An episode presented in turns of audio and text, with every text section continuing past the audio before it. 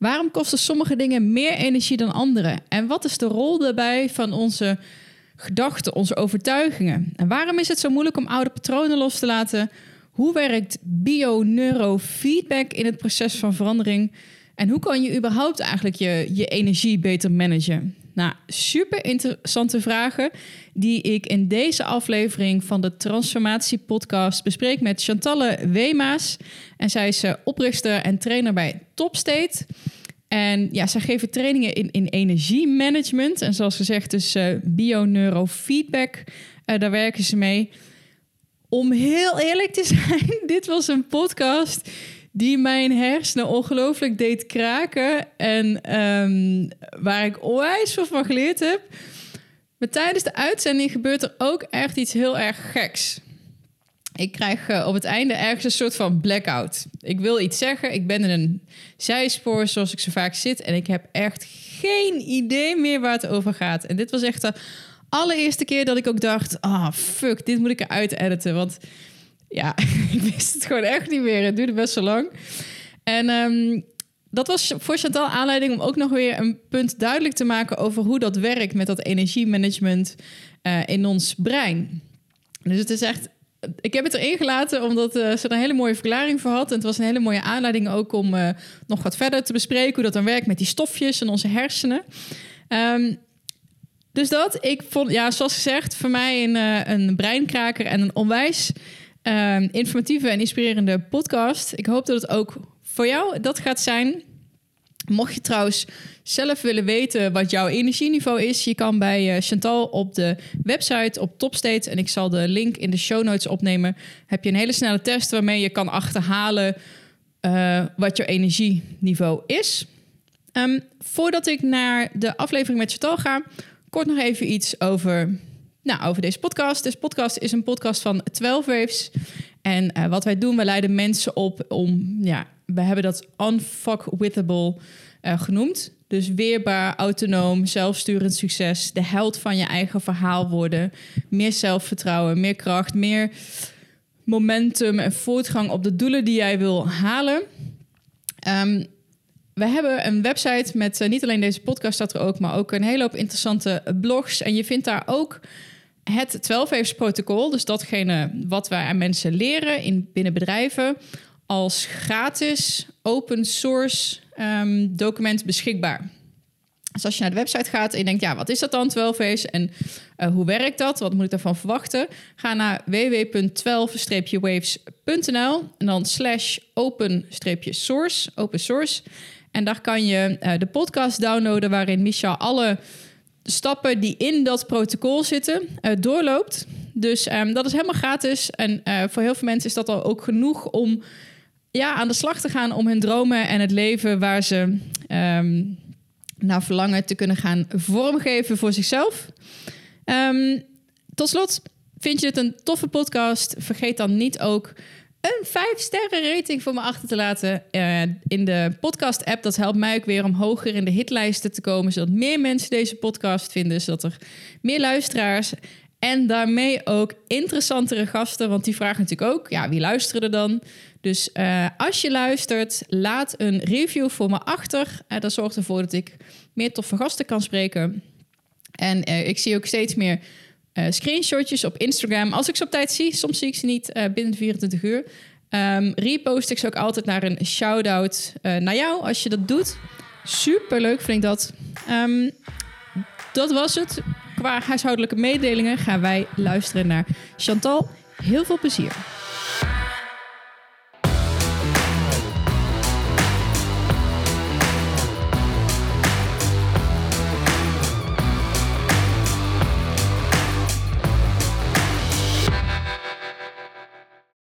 Welkom. Dankjewel. En ja, jullie houden je echt met zulke interessante onderwerpen bezig dat ik denk, oh, ik, neurofeedback, gedragsverandering, energie. Denk, ah, ja. dit wordt volgens mij gewoon een heel tof gesprek. Um, zou je jezelf even voor willen stellen? Ja. Ik ben Chantalle Wemaas. Ik ben uh, samen met mijn partner uh, ondernemer uh, met Topstate. Dat is ons bedrijf. Ik ben ook een moeder van twee kinderen. Een dochter van 15 en een zoon van 12. Woonachtig in Eindhoven.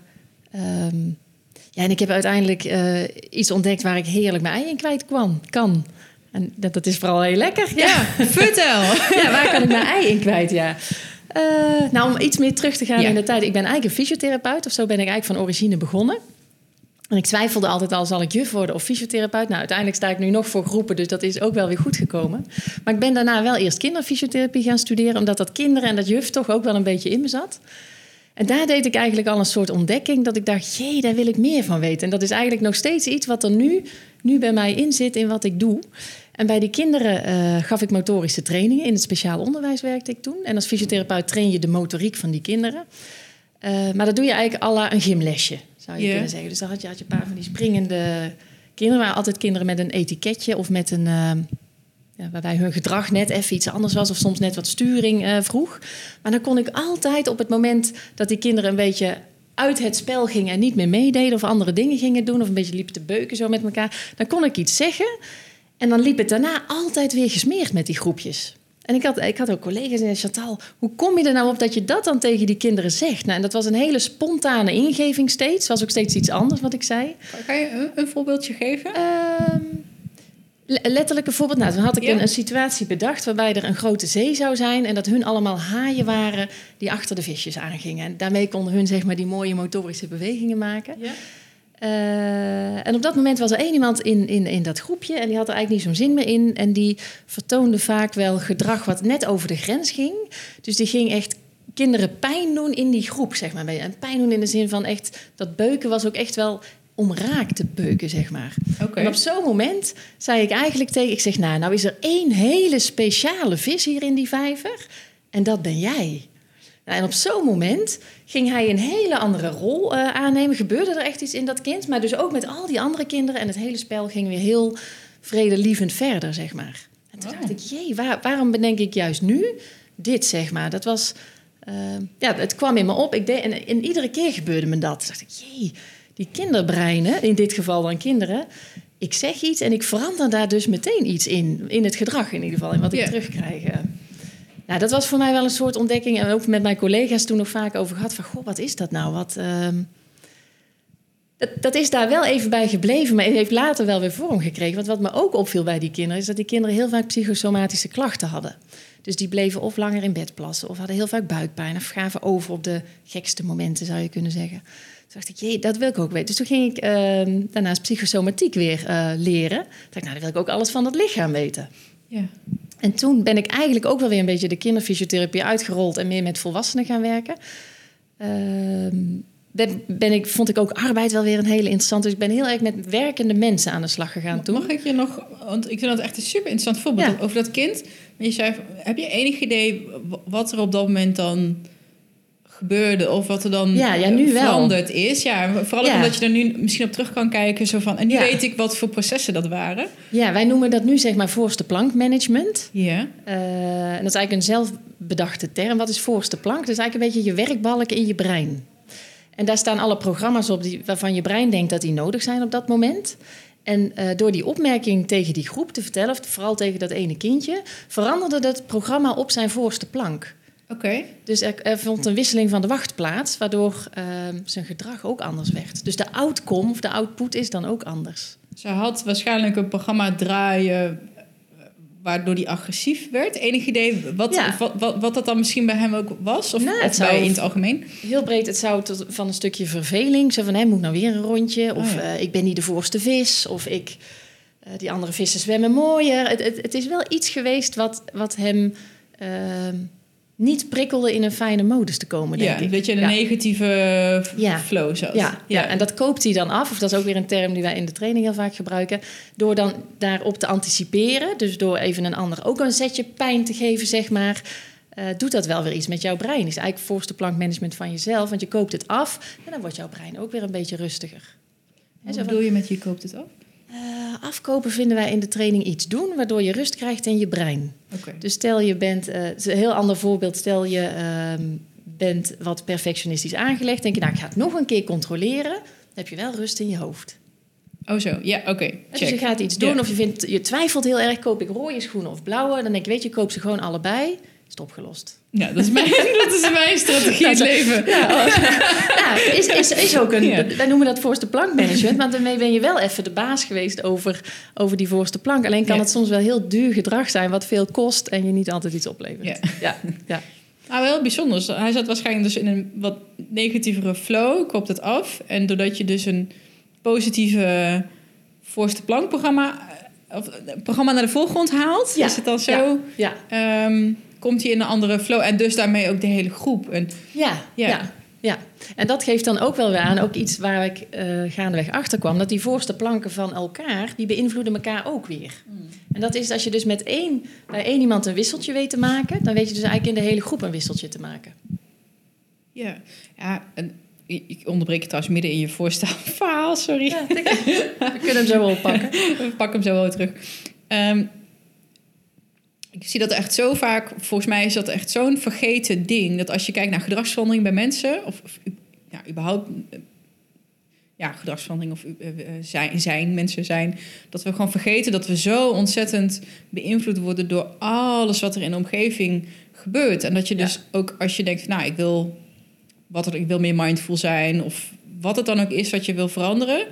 Ehm, dat je dan heel erg op jezelf gefocust wat kan ik doen en wat moet ik veranderen en dan gaat het met mij en dat je eigenlijk helemaal niet in de gaten hebt. Ja, als jij in zo'n zee met agressieve Ja. kindje, viskindjes eh, aan het ronddobberen bent, is het Ja. heel moeilijk om dan in jezelf mindful en happy te zijn. Ja, Als je continu ge- geprikkeld wordt om een ander programma te laten zien. Ja, en dat is natuurlijk wat, waar we wel heel erg in zitten met z'n allen. Ja. We zijn heel erg gevoelig voor de omgeving, voor elkaar, voor, eh, waarbij we ook heel erg wel extern gericht zijn, Ja. vind ik. Er zijn heel veel externe prikkels waarbij we nog heel weinig naar onszelf toe gaan. En dat is dan ook wel weer, om dan even een mooi bruggetje te maken, vind ik wel weer met biochemie. Dat is eigenlijk een, een, een studie die dan even in dat rijtje daarna weer volgde. Als je biochemisch eh, hoger in je stoffen zit, en even aangeven wat is biochemie, dat zijn eigenlijk alle stofjes waardoor jij tot een actie kan komen. En dat, dat volgt naar aanleiding van een stressprikkel. Maar dat kan ook je verjaardag zijn, zeg ik altijd. Het kan ook heel leuk zijn. Oké. Dus, dat hoeft, dus een stressprikkel is alles waarbij je gewoon in beweging wil komen. Oké. Ehm, en als jij in beweging wil komen voor positieve of negatieve dingen, dan komen die stofjes in jouw bloed. En daardoor kan jij, krijg je spierkracht, neemt je hartslag toe. ehm, maar duurt dat heel lang, dan raak je in je lijf op een soort ander standje. Dan, dan is de orthosympathicus, een deel in het zenuwstelsel, is dan weer overactief. En dan zijn we eigenlijk niet zozeer op onszelf meer gericht. Dat, dat brengt ons in een stand waardoor we eigenlijk alleen nog maar die omgeving zo waarnemen. En veel gevoeliger zijn voor de externe factoren dan de interne factoren. Oké. Die zitten weer heel erg op, op het, het andere stukje van het zenuwstelsel, het parasympathische deel. Dan ben je weer meer op een bepaalde stroom van je zenuwstelsel dat je heel goed kan waarnemen. In jezelf. Zoals ik het, eh, kijken of ik het nog goed weet van eh, mijn studie. Uh, parasympathisch is de ruststand. Of- ja, van in ieder geval de ruststand, Ja. maar de stand waarin je niet, het hoeft niet per se rust te zijn. Het kan ook, je kunt ook enorm in je flow zijn, dus heel lekker bezig zijn, maar toch is die para dan ook eh, mooi geprikkeld. Ik zeg, het is eigenlijk altijd een mengkraan tussen de para en de ortho, want je hebt nooit of ortho of para, het is altijd de mix van die twee. Oké. En eh, de kunst is om in de gouden mix te komen. Ah, dus dat je wel, ja, dat is, dat is flow, toch? Nou, ja, dan heb je Ja, je flow. Dus ja, als, je, als je ja. genoeg paren en genoeg ortho hebt, dan ben je gewoon heerlijk aan het werk in je flow. Ja. En dat jongetje van de vis, om die maar even erbij te pakken, die, die ging meer richting de orthosympathicus, omdat hij heel erg geprikkeld was door iets. Ja. En die opmerking die haalde hem eigenlijk weer in een wat mooiere mengkraan, een mooiere temperatuur van het water eigenlijk. Check. Ja. En nu even terug naar. eh, Ja, maar even in. zitten. Ja, precies. Ja. Ehm, ja, je was aan het vertellen, eh, fysiotherapeut. Ja. Je merkt voor jezelf van, hé, hey, er, er- ik doe iets, er gebeurt iets. Je Ja. bent je gaan verdiepen. Uiteindelijk is daar, is het top state of staten? Want volgens mij Top zei ik... state, zeggen we. volgens mij, oké, Engels. Ja, state. top state. Ja. Eh, uit ontstaan, want wat, wat is wat je nu doet? Wij verzorgen nu trainingen en die zijn eh, deels gericht op biochemie en ander deels op het brein. En eigenlijk om je eigen energiemanagement in, eh, in topconditie te krijgen. Ja. Ja. En, en waaruit... ehm, ja, kan je het wat meer toelichten? Want energiemanagement, wat, wat, voor, wat voor soort mensen helpen jullie bijvoorbeeld? Wij trainen met name ondernemers en professionals die of het idee hebben, er zit meer in en dat wil ik er graag uit laten komen. En dat kan ook energietechnisch zijn. Dat ze zeggen van nee, ik, er is nog een bron en die spreek ik niet aan bijvoorbeeld. Of, eh, of ondernemers die zeggen, nou ik merk in mijn energie dat het wat afgenomen is. Of mijn concentratie is wat minder. Of Ja. ik heb mijn focus niet meer zo strak. Of ik... eh, of ik heb eh, veel blessures, of ik, ben, ik merk dat ik vaker ziek ben, of ik kan niet meer afschakelen. Dat zijn Oh eigenlijk ja, wel... mensen die continu aanstaan. Ja, die dus altijd op die ortho zitten of heel veel. Ja, ja. En die op een gegeven moment ook niet meer heel makkelijk terug kunnen. En dan is een vakantie ook niet meer genoeg om weer die mooie eh, mix te maken van die ortho en die para. Ja. Ja. En ehm, want je zei het al een paar dingen zoals hè, die voorste plank en Ja. eh, het afkopen. En de, de, de, want hoe verhoudt zich tot, tot die biochemische kant die jij benoemde? Ja, jullie, dit- jullie benadering, zeg maar. Ja, nou dit zijn net twee dingen die dan in het tweede deel zitten. Dus we hebben eerst zes trainingen die gaan over de biochemie. Van hoe werkt dat in je lijf en hoe stuur je dat zelf aan, die cc'tjes in je bloed? Hoe maak je er meer of minder van? Want dat kan je eh, zelf Dat aansturen. is te reguleren. Ja. Oké, vertel. Hoe Ja. werkt het? Hoe werkt dat? dat Nou, zijn natuurlijk zes letterlijk. trainingen, dat snap ik. Dat hebben we Ja, niet uit. nou, ik zal we er wel maar- vogelvluchten. Ja. Stap 1 is altijd gewoon biologieles, zeg ik dan. Hoe zit biochemie in elkaar? En eh, wel om welke stofjes gaat het in de Jip en Janneke? Of we hebben daar wel een heel makkelijk model van gemaakt. En wat doet ieder stofje specifiek? En de drie stofjes zijn adrenaline, cortisol en corticotropine release hormoon. Dat is dan een hele lange, CRH noemen we die dan eh, kort. Ja. Dus die doorlopen we van wat, zijn dan de effecten? En adrenaline, die weet iedereen wel, hè? hartslag, ademhaling, bloeddruk, spierspanning. Cortisol heeft andere eigenschappen, maar het zorgt er allemaal voor dat jij in actie kan komen. Een voorbeeld bij cortisol is dat je niet naar de toilet hoeft als je een flinke actie doet. Hm. Niet tijdens. Wel vaak van tevoren, zeg maar. Dat Ja, als die cortisol al toeneemt, dan, eh, dan zorgt het er juist even voor dat je juist wel naar de toilet moet. En misschien ook anders dan je gewend zou zijn van jezelf. Maar het bereidt je allemaal voor tot die actie. En als je weet wat die stofjes doen, dan is altijd de eerste en de allerbelangrijkste opdracht: ga waarnemen hoeveel cc van die stofjes in jouw lijf zitten. Dus als je weet adrenaline zorgt voor spierspanning, volg dat eens een tijdje. Hoe schommelt dat dan, die spierspanning? Want Wat kun je doet dat dan ga je dat dan ook meten? Nou, dus vindt een meting van tevoren plaats. Dus Oh. we kijken hoe mensen. eh, dat meten we via het autonome zenuwstelsel. Dus dan meten we hartslag, ademhaling, spierspanning, nattigheid van de handen, temperatuur. En dat zijn ze, denk ik. Doen we niet zelf, of dat besteden we ook uit aan een biofeedbacktherapeut. Ja. Eh, maar dan hebben we wel een hele mooie eh, meting gehad van iedereen. Van hoe zit je dan eigenlijk in die stofjes? Want zit je hoog in die stofjes, heb je iets anders gezien in die meting dan dat je te laag zit, omdat je, of dat je tekort hebt, of dat je moe bent. Ja. Het is heel meetbaar, heel zichtbaar te maken. Gaaf. Ja, dat is echt heel mooi. En ik denk mooie dat veel start. mensen die, die zich met stress en energie bezighouden, dat, dat ze mensen wel eens gehoord hebben van oké, de cortisol speelt daar een rol Ja. bij, misschien adrenaline ook. Ehm, maar als ik dan naar mezelf kijk, ehm, weet je, dan lees je dat en leer je dat en dan, maar omdat het dan niet tastbaar of meetbaar is, misschien is het ook mijn persoonlijkheid, Ja. weet je, dan zwakt dat ook een beetje af, omdat, omdat je het dan niet kan monitoren of zo. Ja, ja, Dus ik vind het heel gaaf dat je dat dan wel met een indicator wel zegt van... oh, Ja. nu zit ik hoog of nu zit ik laag. ja. Ja. En dat is ook wel wat ik zelf heel erg pret. Ik vind het moet ook zichtbaar, meetbaar. Eh, dat is natuurlijk ook wel vanuit ooit mijn basis als fysiotherapeut. Je moet wel weten wat je mee bezig bent. Of wat je, Ja, precies, Dus ik ja. hou er heel erg van om het te meten. En dat doen we dus voor en na. Dat je ook echt gaat zien wat het effect is. En Voor en na wat? de training. Oh, de training, oké. Ja, ja, dus je gaat ook echt zien wat, wat het resultaat is. Dat is echt meetbaar. En uiteindelijk hoop ik eigenlijk, en hoop ik, en dat is eigenlijk waar we naartoe werken, is dat je je eigen meetinstrument wordt. Ja, Dat je die meting eigenlijk helemaal niet meer nodig hebt. ja, ja. Ja. Oké, stap 1. ja. Wat is stap Oh 2? ja. Stap 1 is dus heel, en dat, dat, daar zit behoorlijk wat werk in, in het gaan waarnemen van die stoffen. Want als je dat heel lang niet gedaan hebt, of heel lang niet in contact met je lichaam bent geweest, dan is jouw zenuwstelsel eigenlijk daar niet meer op gericht. Op het waarnemen en het doorgeven van signalen. En dat noemen we het aanmaken van driebaanswegen, ben ik dat gaan noemen. In ieder geval dat al die zenuwvezels weer weten, oh, jij wil informatie van mij, kom maar op. En dat is een kwestie van heel veel vraag, vragen, vragen, vragen aan het lichaam. En op een gegeven moment komt dat antwoord weer. En sommigen zijn daar nog heel dichtbij, bij dat soort oefeningen. En sommigen zeggen, nou, zit al je vraag naar die adrenaline. Maar Dus dat, Hoe je, ga dus ik dat je dat zonder meting, dat je kan, dat je weet of je hoog of laag zit. ja, ja, Ja. dat is heel goed waar te nemen. Ja. Als je je daarin traint. Maar heel veel mensen zijn daar heel ver van afgekomen. Ja, want die zitten dan In hun continu ja. in het hoofd of in de, nog er, in de toekomst of in het verleden. Ja, ja. Of in een droom. Ja, ja, ja. Realiteit die er in ieder geval nu niet is. Nee, dus niet in het nu. Dat zeg je wel heel mooi, ja. Dus niet in het nu. En da- dan is je hele systeem daar ook op ingesteld. Want het is zo aanpasbaar, jouw systeem. Het is altijd in dienst voor jou, zeg ik altijd. Je lichaam is een soort dienaar van het brein. Altijd in dienst van jou. Dus zal zich ook altijd zo goed mogelijk voor jou opstellen. Maar niet altijd in je voordeel. Ik vind dat zo, mag ik even, even een zijsprongetje. Eigenlijk ook bizar hoe ver we daarvan af zijn. Ik heb een, ehm, een opleiding gedaan, eh, Eating Psychology, dus de psychologie van het eten. Ja, hele interessante boeken ingelezen. En dan eigenlijk ook, jeetje, weet je wel, hoe... We zijn als mensheid, we hebben ons helemaal kunnen evalueren tot nu, succesvol. En nu ineens hebben we hartslagmeters nodig. Een Ja. voedingsdeskundige met hoeveel eiwitten we moeten eten. Want eh, oh, dat moet allemaal uitgerekend en gemeten.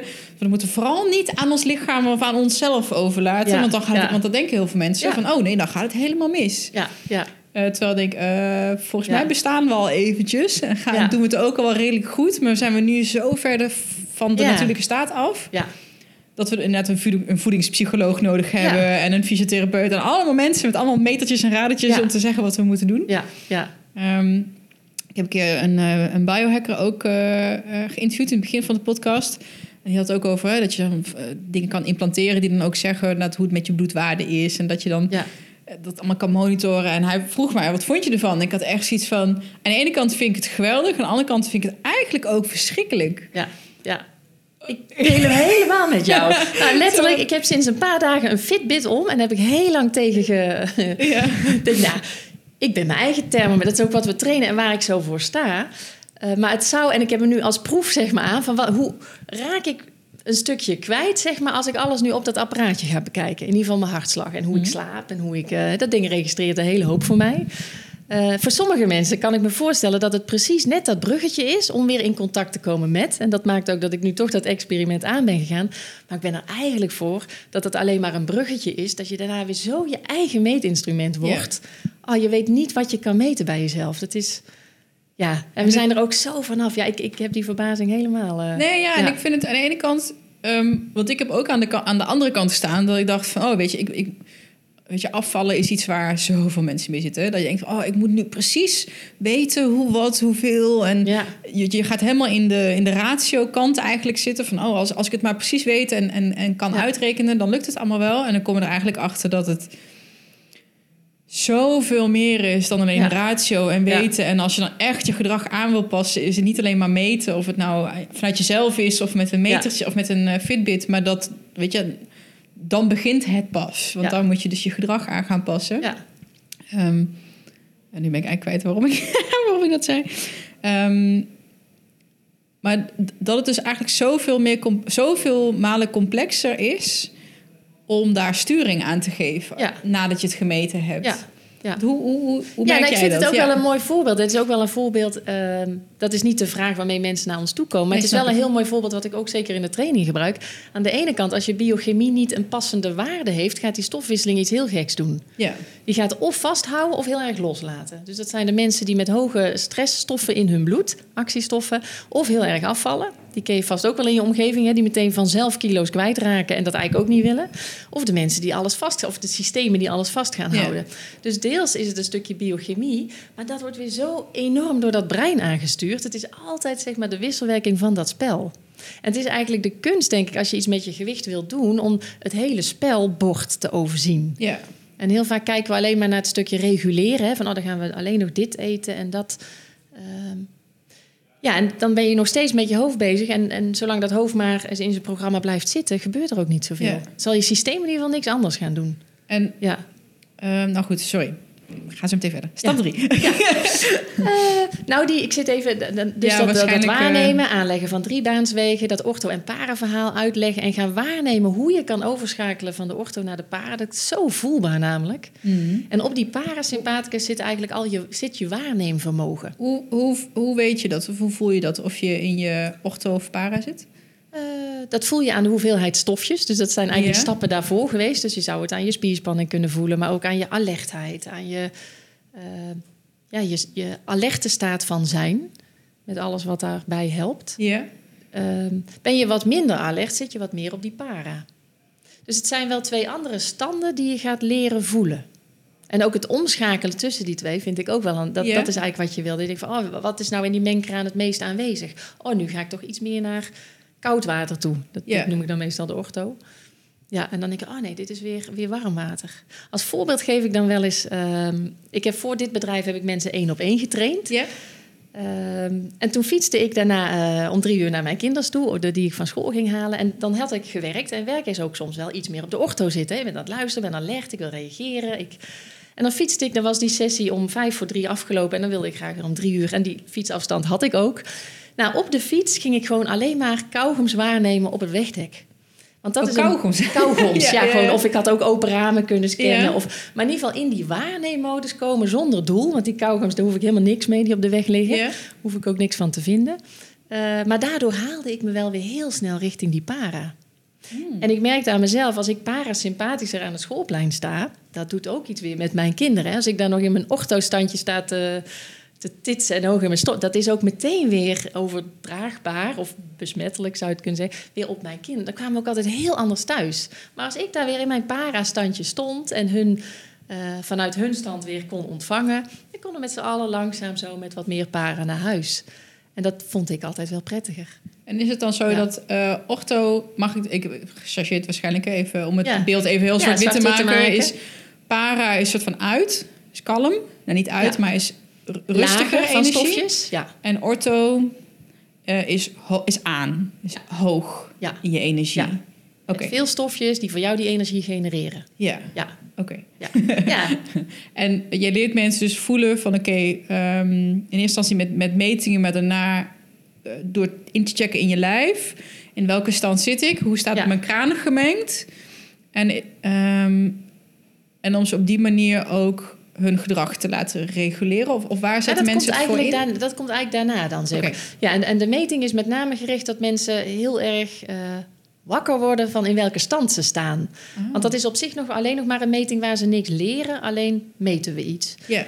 Dus in, in, en dan ga ik uitleggen hoe het systeem werkt. Zeg, nou, daarom ziet jouw meting er dan zo en zo uit. Oké, dat is zo verhelderend. En dat mensen denken, ja, ik ben, er inderdaad, ik ben inderdaad wel laag in mijn energie. Of ik, ik, uh, je krijgt een opdracht van haar dan, dus dan zie je al die stofjes toenemen. En je wil die daarna netjes zien dalen weer tot de baseline. Maar je ziet heel veel ondernemende mensen niet meer zakken tot de baseline.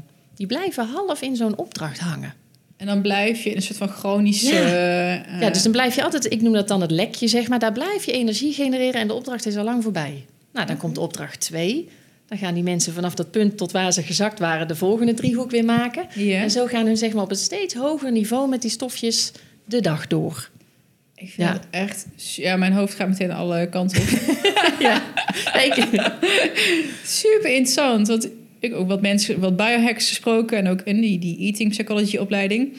is dat we allemaal trucje... We hebben allemaal eh, strategieën... Ja. Waar, die we niet, waarvan we niet ons bewust zijn om dat te reguleren. Ja. Voeding is daar een hele grote in. Ja. Want als je maag vol zit...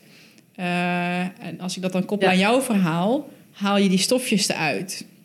Omdat je die dan dwingt om je lijf, of dwingt, ja, je, uh, als je aanstaat, is je spijsvertering niet uh, prioriteit voor je lijf. Nee, precies. Want die moet dingen doen. Ja. ja. niet, niet, niet voortplanten, niet eten. We zijn met hele andere dingen bezig. Ja. En als je uitstaat, dat is de, de rest and digest. Dat is de, de modus waarin we kunnen verwerken en waarin we ook de stofjes op kunnen nemen. Nou, dus, dus dan staat onze spijsvertering staat aan. Maar heel veel mensen gebruiken dat als onbewust als een soort van reguleringsmechanisme na een hele drukke dag. Ja. Um, weet je, een volle maag dwingt, of een volle buik, dwingt je lijf zeg maar, om in die ruststand te komen. Want ja. we moeten daar iets mee. Ja, ja, um, En daarom vinden mensen denk ik heel erg lastig ook om af te vallen. Omdat je nog geen ander mechanisme hebt om die stofjes ja.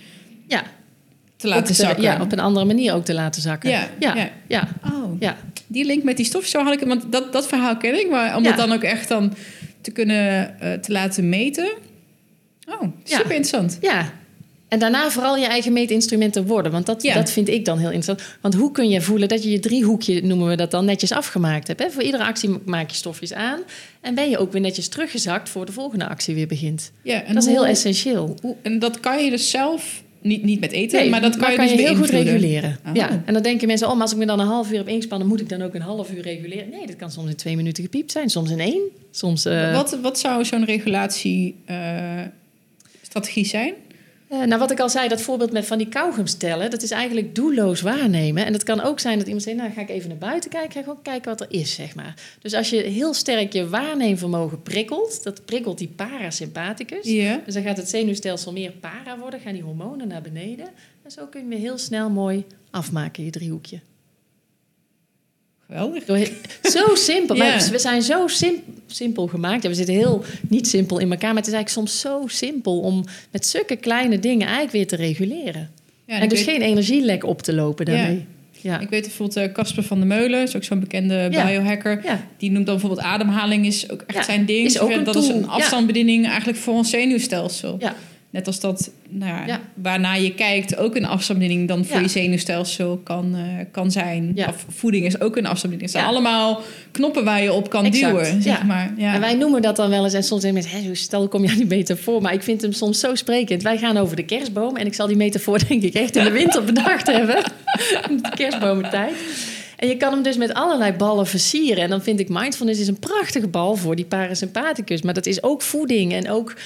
Ademhaling. Echt Ja. fantastische kerstballen in die boom. En wij trainen met name de boom, zeg maar. Van, nou, dit zijn de systemen. En hang vooral de ballen erin die passend zijn voor jou. Want ik denk niet dat iedereen aansluit bij mindfulness. En niet iedereen heeft feeling met voeding. En, eh, maar je Of- ziet of eigenlijk... zal zich de tijd gunnen om ademhalingsoefeningen te doen. Ja. ja. Maar als je weet hoe het systeem werkt, dan denk je, oh, maar dan zou dat wel iets voor mij kunnen zijn. En dat zijn vaak de dingen die jouw brein al heeft opgeslagen als, hey, mogelijk interessant. Maar dan sluit je dus wel heel erg aan bij, bij die persoon. En is het dus eigenlijk ook veel duurzamer in wat hij gaat doen om die parasympathicus te prikkelen. Ja. Ja. En je zijn en, naar buiten kijken. Kan, kan je nog zoiets... eh, Ehm, nou, waar, waar, alleen al waarnemen ben ik warm, ben ik koud. Eigenlijk alle waarnemingen, dus die je ziet, maar ook die je hoort. Ja. Even gewoon een muziekje luisteren. Even. Vind ik iets anders dan even een podcast luisteren. Om even, dus zat ik op weg hier naartoe, zat ik ook aan te denken. Ehm, nou, we, we vullen ook wel heel vaak alle tijd op, zeg maar. Of alle. Ja. ehm, eh, want ik wilde eigenlijk nog een paar podcasts van jou ook even luisteren ter voorbereiding hierop. Dus ik dacht gisteren in de auto, ik denk, oh, zal ik er even één opzetten? Maar, maar eigenlijk is mijn parasympathische moment dan weg. Want in die auto gewoon zitten, kijken, koeien, gras. eh, ja, dat is voor mij... Ja, file. Ja, file, ja. Maar ook rode stoplichten, ja, ik kan ze erg waarderen. Omdat het allemaal dingen zijn waarbij je even kan zijn. En ik denk, ja, ik moet nu toch wachten. Of de rij bij de kassa, ideale momenten Ja. om zeg maar je driehoekjes af te Ik heb maken. dat ooit... ehm ehm Coriella noemt dat een soort van eh, pockets. Mhm. Je hebt een soort van envelopjes van tijd... die Ja. eigenlijk normaal gesproken ja, je niks staat te doen... waarin je die als mini, mini meditatiemomentjes of mindfulness momentjes Ja. kan inzetten. En precies de dingen die jij noemde. Ja. Hij zegt ook zo, ja, elke keer als ik mijn autodeur dicht doe bijvoorbeeld... dat is Ja. voor mij ook een pocket. Ja. maar één seconde, maar dan ben ik even heel bewust...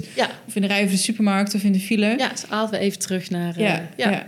Envelopjes. Ja, maar we zijn vaak geneigd, of dat, dat wilde ik eigenlijk even zeggen met die podcast, om alle tijd waarbij we eigenlijk parasympathisch kunnen worden, die vullen we eigenlijk allemaal op. Ja. Allemaal. En wat En vind dan- je van onze mobiele telefoon? Nou ja, dat is dus het grote voorbeeld ervan, zeg Ja. maar. Dat, wie, wie zie je nog, vind ik altijd na, na een netwerkbijeenkomst, of iedereen loopt naar buiten met die telefoon. Wat heb ik gemist? Waar sta ik nu weer? Terwijl het eigenlijk het moment is om je driehoekje af te maken van zo'n bijeenkomst. Waarbij je toch even gezellig hebt gekletst en even weer... eh, maar dan is eigenlijk, gaan we eigenlijk de volgende driehoek alweer maken.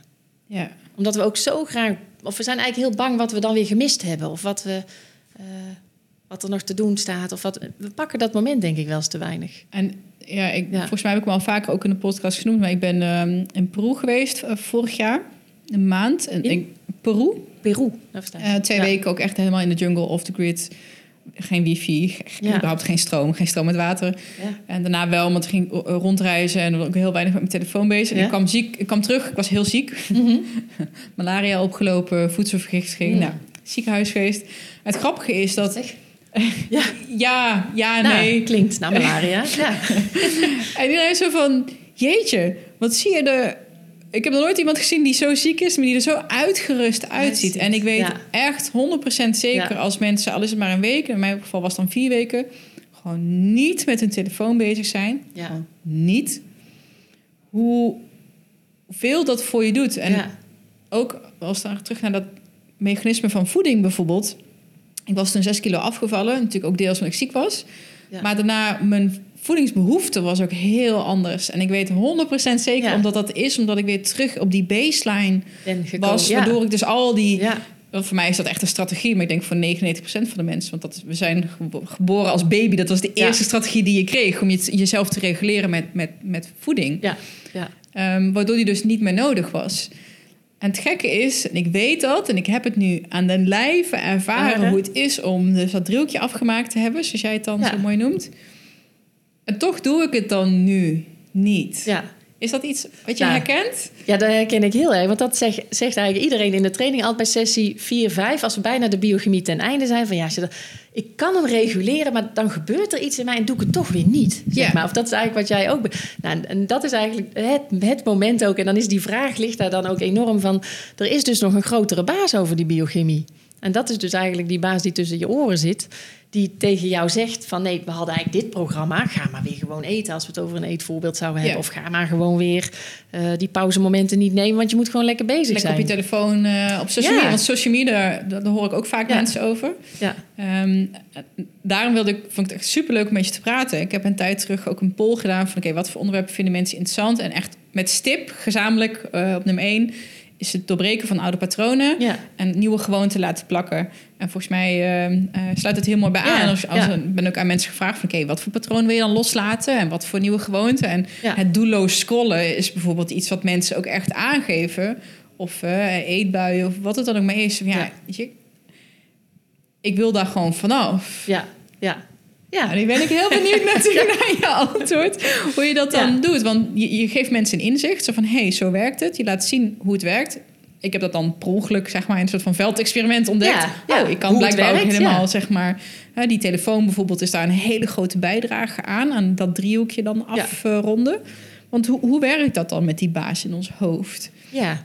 Ehm, nou, wat ik merkte, of de- de- toen deed ik de ontdekking, dat dacht van ja, ik ben ik alleen nog maar biochemie gaan trainen met mensen. Ik denk, oh, dat, dat is een van de, eh, de sleutels die ik eigenlijk heel, heel erg miste in, in mijn opleiding die ik tot nu toe had. Toen ging ik biologie studeren. Ik denk, er ging zoveel deuren voor me open over blessures, over hoe de dingen eigenlijk werken. Dus ik denk, ik ga biochemie trainen met mensen. Nou, dat had heel veel succes, maar ik merkte wel dat ik mensen toch terugzag.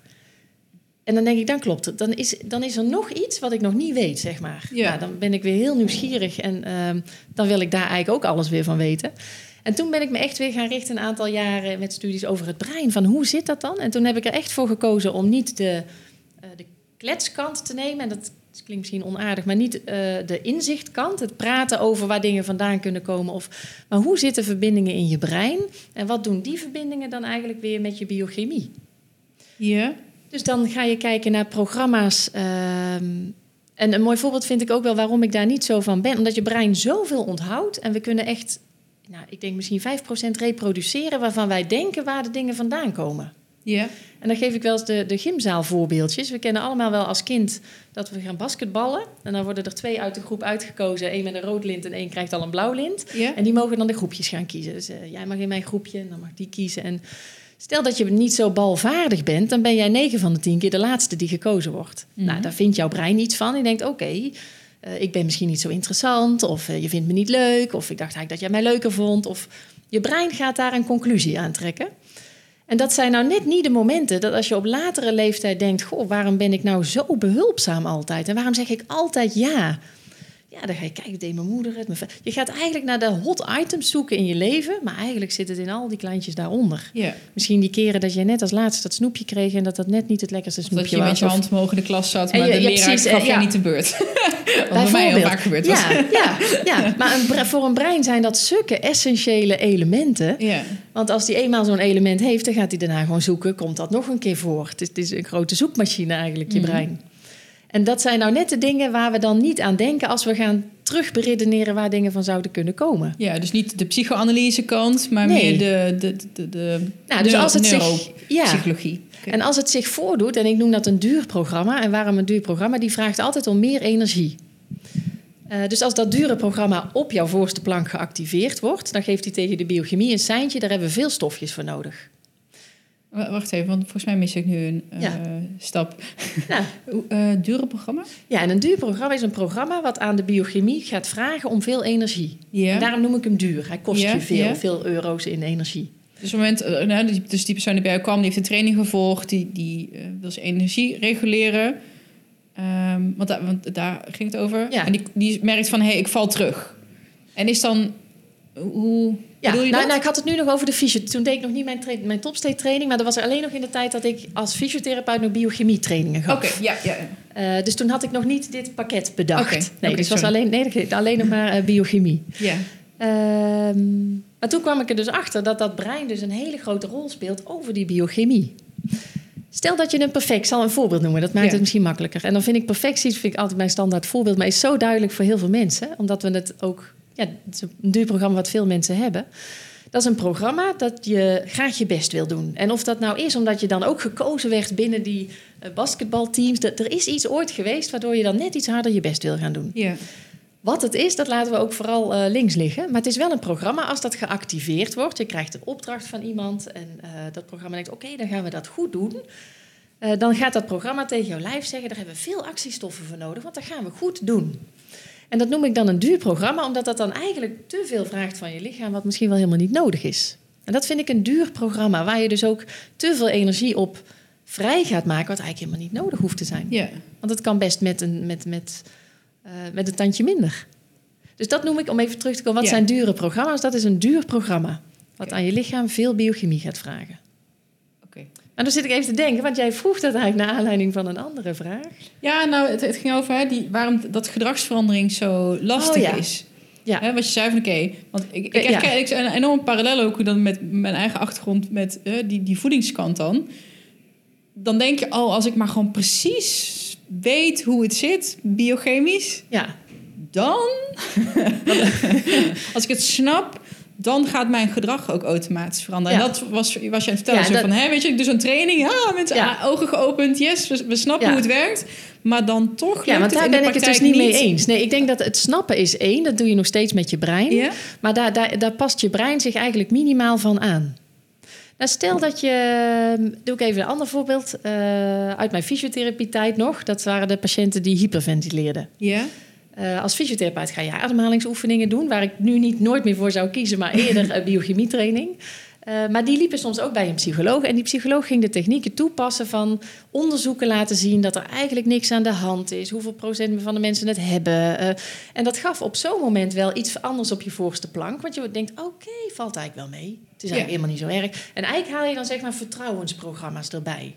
Waardoor je op dat moment op die voorste plank een stukje geen vertrouwen en vertrouwen hebt staan. Het gemiddelde is wat jij waarneemt. denk je, nou, ja, misschien valt het wel mee. Je loopt naar buiten en je voelt je ook meteen beter, opgeluchter. En jouw brein gaat wel één nieuw programma aanmaken van misschien valt het wel mee.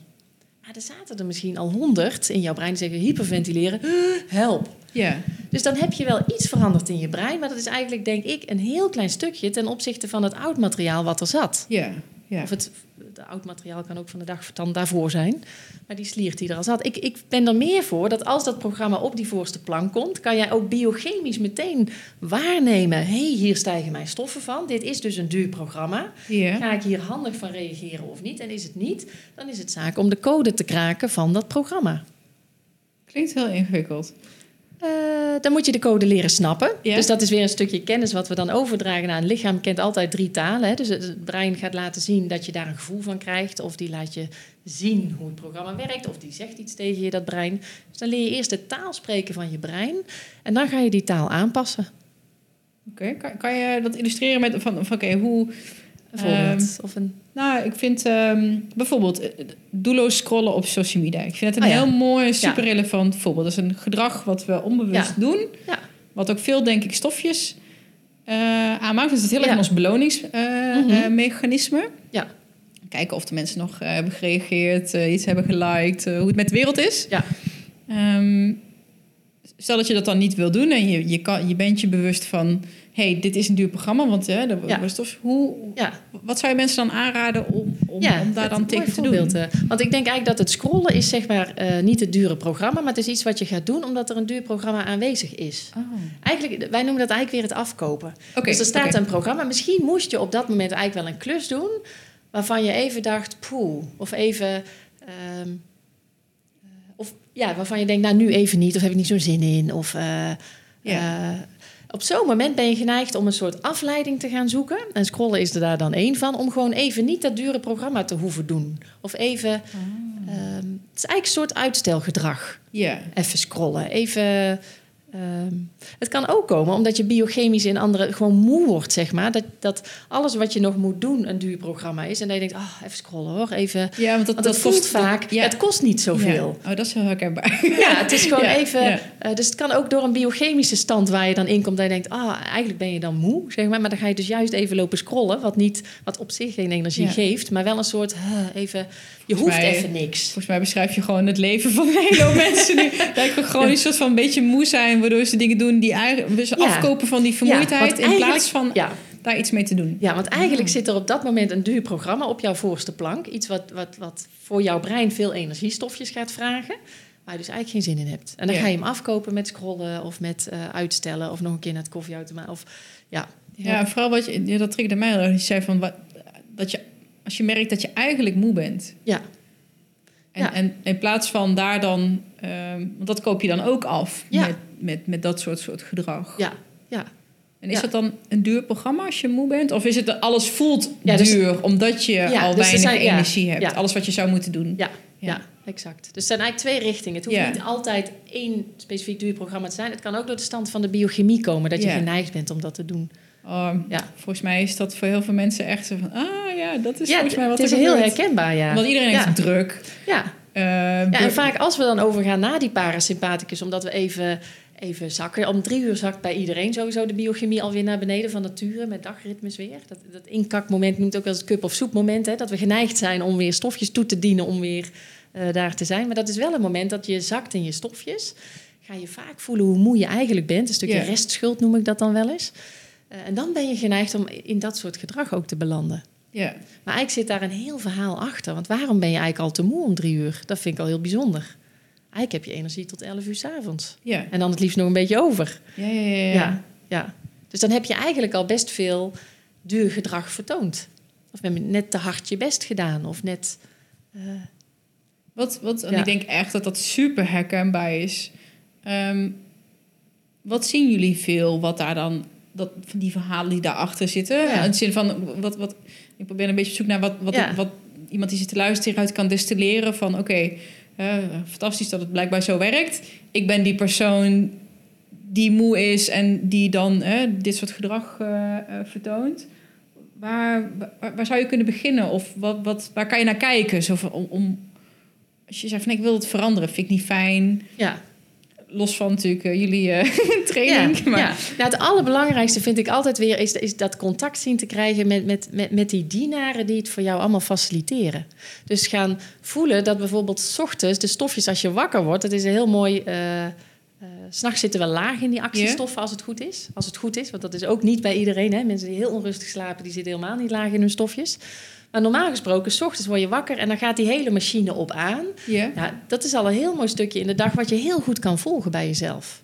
Heel letterlijk vanochtend, want ik volg dat iedere dag bij mezelf. Of ik, nou ja, ik volg dat wel iedere dag. Ja. Ik ben daar wel heel nauw mee verbonden. En ik ben vanmorgen wakker, al wat eerder dan anders. En dat had natuurlijk met die podcast te maken. Dat is wel iets spannends, iets nieuws, even iets anders. En ik werd dus eigenlijk al drie kwartier voor de wekker wakker. Dat is eh, bijzonder in mijn geval, zeg maar. Dus Drie ik, kwartier ook, ja. Drie kwartier, dat is best. Dus mijn, eigenlijk zat mijn lichaam al op een wakkerwordniveau met zijn stofjes. Maar dat was eigenlijk omdat mijn onderbewust al lang wist... hé, hey, vandaag is die dag van de podcast, ja, Chantal. ja. Dus om half zeven en dan voel ik echt die adrenaline. Dus ik, ik voel hem dan, ik word meteen wat warmer. Ik merk dat die ademhaling wat doet. Nou, dat vind ik wel het moment. Ik kijk op mijn wekker, dan denk je, Chantal, even reguleren. Ik snap dat mijn brein al eh, zich daarop voorbereiden is. ja. Maar ik heb nog wel drie kwartier en die wil ik eigenlijk wel pakken... want dan ben ik weer veel helderder vandaag. Dus dan is het zaak om hem daar weer even terug te reguleren. Maar het is een, ik, als voorbeeld gaf ik eigenlijk... dat is zo'n mooi moment om te gaan waarnemen, het wakker worden... eh, hoe die stofjes voelen. En, en heb je dan een soort van checklijstje? Of, of een Ik ken mijn kenmerken. of- en mijn kenmerken zijn niet de kenmerken. Eh, iedereen heeft wel eigen kenmerken. Ja, waar je, waar je Ja. makkelijk kan... Je hartslag of ja, iets wat je, waar je makkelijk... Van weet, ja, Ja. ja. Ja, en warm, koud, dat is ook eh, spierspanning, kan je ook heel goed meten. En waar dan, is ook heel interessant. Welke spieren dan? Wat, hoe gaat dat wakker? Hoe, hoe, maakt, hoe maken jouw dienaren jou wakker? Hoe gaat dat?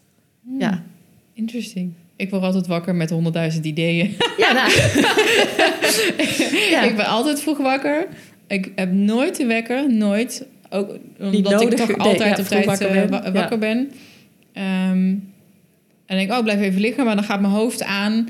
En Ja. dan, maar ja, ik, jij waarschijnlijk ook. Je passie is je werk, je werk is je passie. Dus, en voor mij Ja. is het, voelt het niet eens als werk. Dat is gewoon wat ja. ik doe. Ja, ja, ja. Nou, en dan begint dat. En dan heb ik gewoon zoveel zin om uit bed te komen. En dan ga, dan, dan ga ik ook altijd aan de slag. ja, ja, Ehm, ja. ehm, is het dan... Ja, jij zegt ik ga dan down. ehm, Nou, vanochtend dan ja, bijvoorbeeld, omdat ik het nog te vroeg vond. Ik denk, nee, die die, die drie kwartier die wil ik graag nu even pakken. Ja, oké. Ja, ja, Want het lijkt me wel heel erg gaaf als je als mens gewoon wat meer naar... Want dat is denk ik ook een beetje waar je na- naartoe wilde met je verhaal. Als het moment dat je... Ook om daar dan aan toe te geven. Want we worden zo geleefd door de klok, ja, de omgeving, de afspraken die gemaakt worden. Terwijl misschien ons, onze lichaam wel hele andere dingen zeggen. Zo van, hé, Ja. maar wacht, hé, luister eens even. Ja. we zijn gewoon heel erg moe. ja. Wij moeten het voor jou doen. Of daarom noem ik ze altijd dienaren. Dat lichaam draagt dat brein, zou je kunnen zeggen. Ja. Die verplaatst jou van A naar B om jouw leuke dingen te doen. En als je er dus continu, Ja. continu niet bewust van bent... en je dat driehoekje dus nooit afmaakt... dan op een gegeven moment is het gewoon sloes. Ja, en het gaat een lijf eh, in plaats van kleine fluistersignaaltjes grote roepmomenten creëren waar je niet op zit te wachten. Ja, ja. ja. Ja, en dan denken we weer heel vaak, en dat is wel een beetje wat mij altijd raakt, in zoals we met elkaar omgaan en met zorg omgaan. En zeker omdat ik zelf uit de zorg kom, dan gaan we daar heel vaak namen op plakken. En sla van slaapapneu tot eh, eetstoornissen, tot... We hebben, we hebben daar allerlei plakkertjes voor. En, en die DSM-4, die groeit maar en die groeit maar. Maar als we eigenlijk nou eens terugkijken zijn we zo gedisreguleerd op zo'n moment. Want je lichaam gaat zich ook steeds weer aanpassen aan die nieuwe standjes. Dus zit jij heel vaak hoog, dan denkt jouw lichaam... oh, 100 cc is hartstikke nul. Hè, Of die gaat zijn baseline verzetten. Hmm. En dan voel jij wel van, oh nee, ik ben nou ontspannen. Het is, is... Maar ik zit daar nog zo'n stuk onder... wat je gewoon eigenlijk niet meer gebruikt. Ja. Ja, maar je lichaam zit wel op hoge toeren te draaien... in jouw rust, zal ik maar zeggen, wat eigenlijk Ja. geen rust is. Ja, is, is het alsof je in je auto voor het stoplicht staat en je hoort aan je toerenteller van hé, hey, Ja, eigenlijk Ah, ja, eh, ja. maakt hij nu te veel lawaai. Dus ik, hij Ja. maakt toeren die hij eigenlijk niet hoort te maken. Is dat Ja. een beetje wat er met ons eigenlijk dan continu gebeurt? Van. We zijn niet helemaal terug naar eh, stationair? Ja, ja, dat is een mooi, mooie, mooie metafoor ervoor. eh. Ja.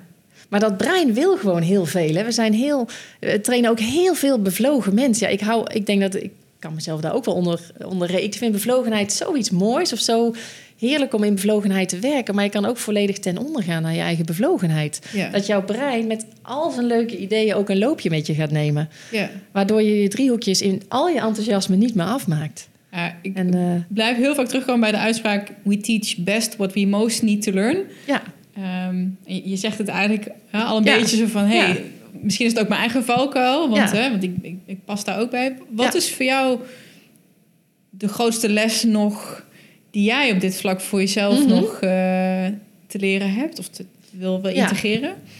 Eh, nou, ik ben er heel nauwlettend altijd mee bezig dat ik met mijn bevlogenheid wel binnen de perken blijf met mijn biochemie en met mijn systeem. Eh, en wij, wij noemen dat poetsen in, in je brein. Ik poets nog steeds programma's die mijn bevlogenheid net iets over die, die grens heen tillen. Ja. Ja, dat doe ik nog steeds, zeg maar. Dus ook, ik- nou, misschien wel bijna dagelijks. Als, als bevlogen mens zie ik zoveel leuke ideeën en mensen. En dan denk ik, oh, maar dat zou ook leuk zijn. En dat. En ehm, ja, dan poets ik mijn brein in dat stukje... ehm, an- ja, heet het enthousiasme of bevlogenheid. Mijn brein wil dan zoveel. En dan beteugel ik en weer even een stapje terug. Ben ik nog steeds bevlogen. Maar kan ik het wel beheersen binnen mijn biochemische eh waardes. En misschien- Maar werk ik nog steeds aan. Ja. Nee, maar en, dat volgens mij is er heel veel ehm, coaches of trainers die zien dat als een soort van falen voor zichzelf. Zo van, hé, hey, maar ik zou het toch als professional wel moeten, want ik weet hoe het werkt. Ik leid Ja. er andere mensen in op, maar ook bij mij is mijn valkuil. Maar ik denk dat dat extreem logisch is. Ja, want je Ehm, doet dat waar je ook iets mee hebt. Ja, dat geloof ik ja. ook. Ja. Ik had ja. Mirjam Spittold eh, laatst ook en die zegt dus ja, weet je, ik praat met mensen over, over geluk. Ik geef er les in, omdat ik voor mezelf weet dat ik makkelijk, zeg maar in de tegenovergestelde, ik moet mezelf daar continu op herpakken en blijven leren, omdat het en dat klinkt heel raar. Je Ja. zou verwachten dat een gelukskunde-docent extreem gelukkig Ja, is, all ja. the time, every day. Maar juist niet, Ja, zeg maar. Omdat het je, je ding is, omdat je jezelf daarop alert wil, eh, wil houden. En misschien daarom vroeg ik ernaar zo, goh, is dat iets wat je bij jezelf dan ook herkent? Ja, en nog steeds aan werk, zeg maar. En, maar daar wel heel scherp op ben. Ja, En je zegt, je noemt een paar programma. ja. Hoe- Is dat En bedoel je met programma gewoon een bepaald gedrags, gedacht, ged- gedrag of gedachtepatroon waar je als mens eh, in zit? Ehm, wij noemen programma's ook wel spinnetjes, maar programma's zijn eigenlijk herinneringen in je brein. Oké. En daar heeft je brein dan een programmaatje van gemaakt. Dus pak maar weer even terug naar mijn gymzaal voorbeeldje. Dan zou jouw eh, eh, brein een programma kunnen maken. Ik doe er niet zo toe, want je kiest mij toch niet. Dus dat is een breinprogramma, een spinnetje. Ik doe er niet zo toe. En dat is een, een duur programmaatje, want daar zit een, een, een, een, ehm, een pootje aan. Daarom noemen wij het spinnetjes. Er zit een pootje aan wat een instructie geeft. Daar hebben we veel biochemie bij nodig. Want het is een, een, een duur programma waar jouw brein vindt... eh, daar moet hij iets mee. Je, je moet iets met dat programma. Ik doe er niet toe. Dan, dan moet je je dus laten zien... en daar dus een strategie op ontwikkelen... dat mensen je wel zien. Ja. Stel dat je zo dat programma hebt... dan zou je afkoopstrategie zijn... dat je heel veel mensen gaat helpen. Ja. Uiteindelijk om gezien te worden. Ja. En dat noemen we dan een programma. Oké. Ja. Maar de, en de pootjes zijn eigenlijk alle zintuigen van je lichaam. Die hebben iets opgeslagen op het moment dat het programma werd aangelegd. Dus op het moment dat jij niet werd gekozen, dat is een moment geweest waarbij jouw biochemie wat hoger was, want dat vind je niet leuk. Je krijgt daar stofjes van om actie te ondernemen eigenlijk. Ja. En dat zit dan aan dat programma vast. Ja. Maar wordt dat programma geactiveerd, komen al die, die spin met al zijn pootjes op jouw voorste plank en jouw systeem gaat het gewoon uitvoeren voor jou. Dus biochemie gaat omhoog. Je krijgt misschien wel het gevoel van toen erbij, het gevoel van er niet toe doen. Misschien zie je jezelf wel weer er niet toe doen. Eh, Ja. Het wordt helemaal gereproduceerd. Door het af te kopen, dus even, nou weet je, ik ga iedereen helpen en ik zeg op alles ja, dan gaan die dure programma's weer naar achter. En dat geeft wel rust in je hoofd. Mensen met volle hoofden hebben heel veel dure programma's op hun voorste plank staan. Ja. ja. Veel programma's en meestal zijn dat dure, laat ik het zo zeggen. Ik kan Ja. me echt zo goed voorstellen. En ik ben een heel analytisch, zeg maar. Ik wil dan meteen alles snappen en weten. En denk, oh, wat voor programma's heb ik dan allemaal? En welke Ja. moet ik eh, gaan oppoetsen? Of Ja, eh ja, eh, werken niet zo? ja. Maar dat doen we dus helemaal niet. En ik geef wel voorbeelden. Ja. En dat gymklasje komt daarom ook vaak terug, omdat het een hele makkelijk voorbeeld is, zeg maar. Of, of, of niet eten geef ik ook vaak als voorbeeld. Hè. De, soms, hoe extremer het voorbeeld is, hoe makkelijker het ook te snappen is. Bijvoorbeeld eh, de meisjes, wil ik zeggen, maar het is niet alleen voor meisjes met anorexia. Dan is het niet eten is een hele mooie afkoopstrategie. Mooi tussen aanhalingstekens, maar in ieder geval voor hun brein. Om even rust te krijgen in hun hoofd. Dus er staat een programma wat ongeveer met onzekerheid te maken heeft. Maar door je eten te gaan reguleren, creëer je kunstzekerheid. En dat geeft wel rust in je hoofd. Ja. Maar eigenlijk zou je op het moment dat dat dure programma komt, het programma moeten kraken en niet zozeer aan eetpatronen moeten gaan werken. Want dat is eigenlijk je En afkoopstrategie. hoe doe je dat? Ja, dus als zo'n spin daar staat, is Ja. altijd weer luisteren naar je brein. En daar heb je dan die driebaanswegen voor nodig die je in die biochemie zo goed getraind Ja? hebt. Dat je gaat waarnemen, hoe presenteert dit programma zich nu aan mij? Zie ik iets, hoor ik iets of voel ik iets? Ja. En dat wil je dan eigenlijk weer in detail een laag daaronder weten. Waar zit dat gevoel dan? Hoe presenteert dat gevoel zich? En ben, ben je er dan niet heel veel tijd mee? Dat is echt drie seconden. Ik toevallig Echt? kreeg ik vandaag nog Ja? een appje van iemand die zei... Ja, ze- nou, het is amper een proces, want je doet het als het er is. Ja. Dan ga je pas handelen. Je gaat helemaal niet kijken welk programma is dit. Maar het brengt mij niet verder. Ik heb hierdoor geen keus bijvoorbeeld. Ik heb niet alle keuzevrijheid van doe ik het wel. Nee, het programma niet. is er wel of niet, want dat is gewoon, ja. Ja, Ja, dus geen keus. Nou, dan, dan ga je een poetsen noemen. En dat is echt drie seconden. Hmm. Als je je daar vaardig in maakt. In het begin kost fietsen ook een hoop tijd om te leren. maar op een gegeven moment ja. stap je op die fiets en rij je weg. ja. Dus ik doe dit bij wijze van spreken. Nou, niet alleen bij wijze van spreken, maar tijdens zo'n gesprek met jou zit ik ook te poetsen. Echt? Ja, nou, van gesprekken met mensen. Dingen raken mij ook, zeg maar. Of in een gesprek of wat je vertelt. Of dat je denkt, eh, eh, wat vroeg jij nou? Oh jee, weet ik de vraag nog. Ik noem maar even iets. Ja. Dat kan in mij, bij mij ook wel weer een spinnetje naar voren roepen. eh, wat niet bevorderlijk is voor de rest van het gesprek. Ja. Oké, vertel. En hoe, hoe Ja. zou je dat dan... Wat, wat, is dan een poetsstrategie die je ervoor Nou, ik programmeer heel sterk op, op, op het ene pootje. En dat is de gevoelstak zeg maar, van, van het spinnetje, van het pootje. Dus dat levert mij altijd een bepaald gevoel op. Ja. En dat gevoel ga ik aanpassen. Mijn brein heeft op een bepaalde manier dat gevoel onthouden. En daar ga ik hem mee in de war brengen. Dus stel, ik heb, dat, dat geeft een gevoel, een, eh, een rechtsdraaiend gevoel in mijn maag. Dan ga ik hem linksdraaiend maken. Oh, Waardoor dus mijn je- brein mij je niet hebt meer een snapt. programma. Ja, Je neemt waar wat er eh, fysiologisch in je lichaam en, en in, je, in je emotie... Gewoon, je neemt waar wat er gebeurt. En dan ga je iets tegen, ja. eh, tegenover zetten.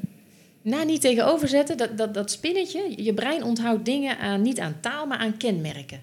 Dus dat gevoel, die weet, dat is bij Chantal, dat hebben we zo onthouden. Als dat gevoel er is, is dat een plek in de maag. Het is een bewegend gevoel. Het zou zomaar een blauw gevoel kunnen zijn en groot of klein in vorm.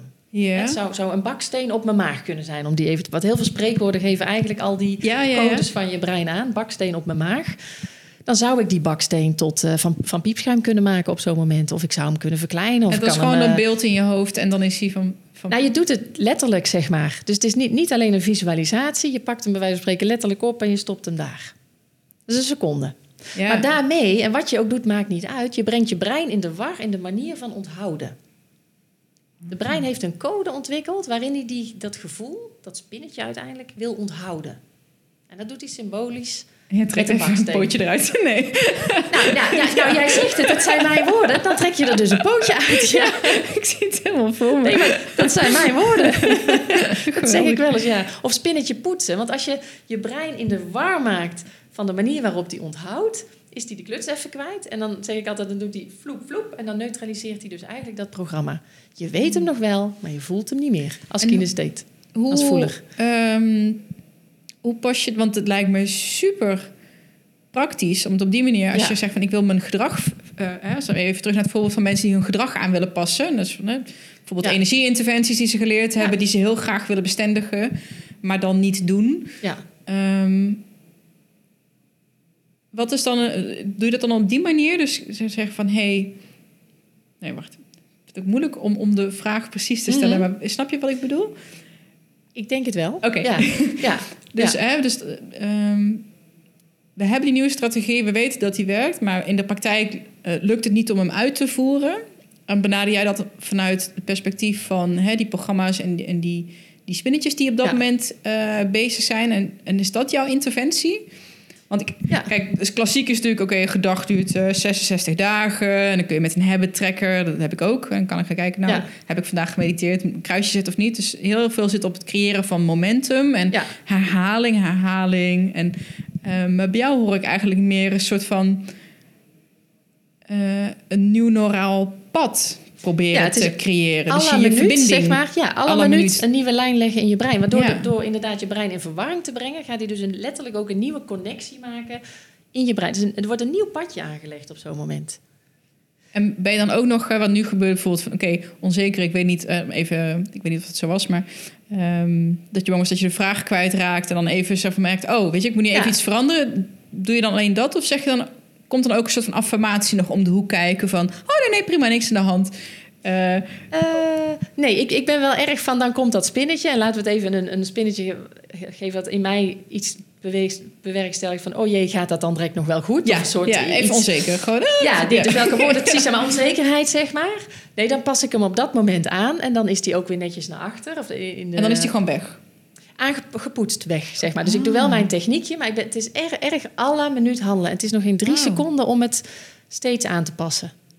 en dan stop je dus iedere keer weer een verschoond spinnetje of een gepoetst spinnetje weer terug in, die, in dat doosje, zal ik maar Ja, zeggen. dus als je tien podcast hebt gedaan, dan op een gegeven moment dan, eh, ja, ja. ja. dan, dan komt hij niet meer naar voren. Nou, of hij komt wel naar voren, maar hij doet me niks meer. Ja. Ja.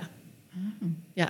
Dus stel dat je 100, maar je hebt er echt miljarden, maar stel dat je 100 is dan een makkelijk getal, 100 onzekerheidsspinnetjes hebt. En stel dat eh 15 heel fijn is, want onzekerheid is echt heel handig, maar niet 100. Maar komen er 15, dan blijf je gewoon een beetje oplettend en denk je, ja, doe, hè, dat, dat is handig. Maar komen er 100 op jouw voorste plank, dan kan je wel eens heel verlegen worden of heel terugtrekgedrag of, of juist heel erg eh, eh, de blaas Afkopen. Of afkopen. Nou, je gaat in ja, ieder geval ja. iets doen. Ja. Ehm, maar zijn het er honderd, dan wil je eigenlijk wel handelen. Nou, dan ga je spinnetjes poetsen. Soms heb je gewoon de eerste eh, te pakken, de root cause noemen we dat, dus de, de, de originele spin. Nou, dan kun je daarna soms na één keer poetsen ook meteen helemaal er vanaf zijn. Maar soms moet je ook wel eens zo dat rijtje even langs en ben je eventjes aan het En, poetsen. en poetsen is dus jouw voorbeeld van de baksteen in piepschuim Ja. veranderen. Gewoon even, even dat brein, eventjes dat, dat pad even Ja. eh, vervagen. ja, Ah. ja. Ik vind Ja, het echt fascinerend. Ik heb het nog nooit zo... Dus sorry dat het misschien ook... ja, nee, leuk. Ik van, leuk. ik probeer ja. het gewoon echt te, te snappen. Ja, Met de kennis die ik zeg maar zelf eh, heb. Maar dat, dit dus Ja. niet. ja. Oh, Ja. wauw. Wat, wat, op wat voor manieren wordt dit... want de implicaties zijn natuurlijk... eh, zijn er enorm veel. Wat voor manieren zie je dat dit ingezet wordt? Bij wat voor soort...